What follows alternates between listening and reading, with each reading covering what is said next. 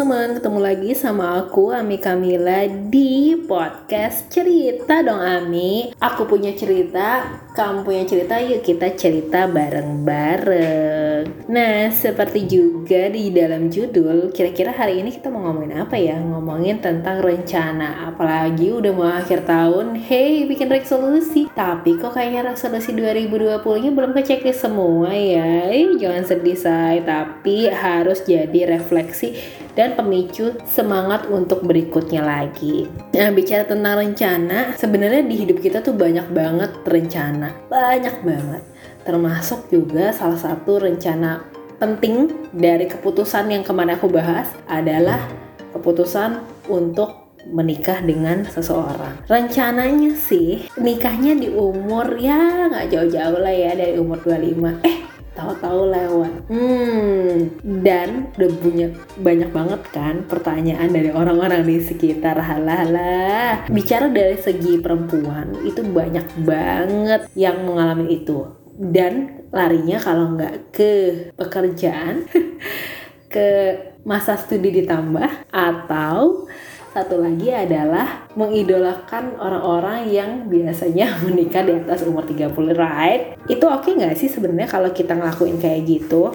Yes coba deh dibandingin. Ketika kita punya rencana ya bicara tentang rencana ada juga kan yang nggak sesuai sama rencana. Which is kayak di masa pandemi ini bisa dibilang nggak ada yang merencanakan ada di masa pandemi. Aku inget banget dulu itu aku bulan-bulan ini lagi pergi traveling ke mana-mana gitu ya tapi hari ini harus ada di Jakarta aja. Memilih sih lebih memilih untuk ada di Jakarta. Kecuali memang ada sebab-sebab terkait misalnya kayak pekerjaan yang harus mengharuskan aku berangkat. Itu lain lagi soalnya. Nah bicara tentang itu sebenarnya ketika kita punya rencana dan rencananya itu gagal gitu atau nggak sesuai hal yang paling cepat dilakukan adalah bikin rencana lagi dong. Jangan sampai nggak bikin rencana gitu. Salah nggak sih kalau kita bikin rencana ulang menurut aku sih nggak ada yang salah. Tapi coba ketika menyusun ulang apakah rencana kita itu terlalu ngada-ngada gitu? Boleh nggak sih bikin kayak gitu rencana? Aku pengen punya rumah satu tahun lain boleh banget.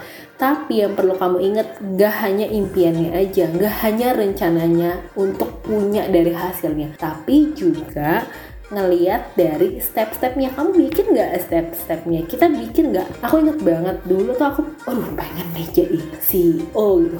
When ketika aku jadi CEO ya ternyata nggak seenak bayangan aku dulu gitu. Tapi ketika aku mau jadi CEO itu dulu banget aku tuh kayak ya udah punya gitu pengennya enak-enak. Wah ternyata ketika dijalanin ya itu nggak menghasilkan apa-apa. Semua yang terlihatnya oke gampang itu karena mereka udah terbiasa. Tapi coba deh cobain sama diri kamu. Mereka tuh pasti punya rencana.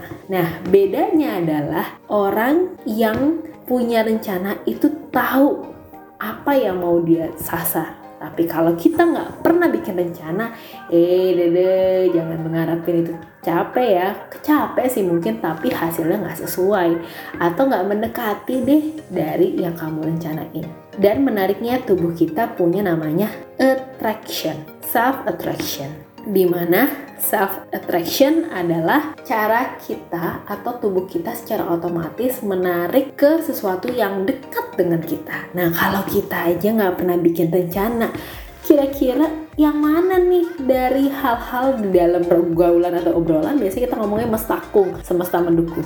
Padahal itu sudah juga digariskan dalam teknik-teknik yang ada dalam tubuh kita salah satunya adalah self attraction ini gitu. Jadi kalau kita mau menarik hukum tarik menarik nih ya gitu. Kalau kita mau menarik sesuatu yang besar, masa iya nggak pakai rencana? Iya tulis rencana kamu sekarang juga. Karena ketika kita misalnya mau melakukan suatu acara, which is sesuatu yang orang impikan, misalnya kayak menikah, itu aja mau sampai hari hanya kita punya rencana. Oh hari ini harus ngapain ngapain ngapain ngapain gitu kan. Apalagi kalau ada hal-hal yang kamu ingin capai dan kamu rasa itu penting banget. Bikin rencana itu mudah, emang sih eksekusinya nggak mudah.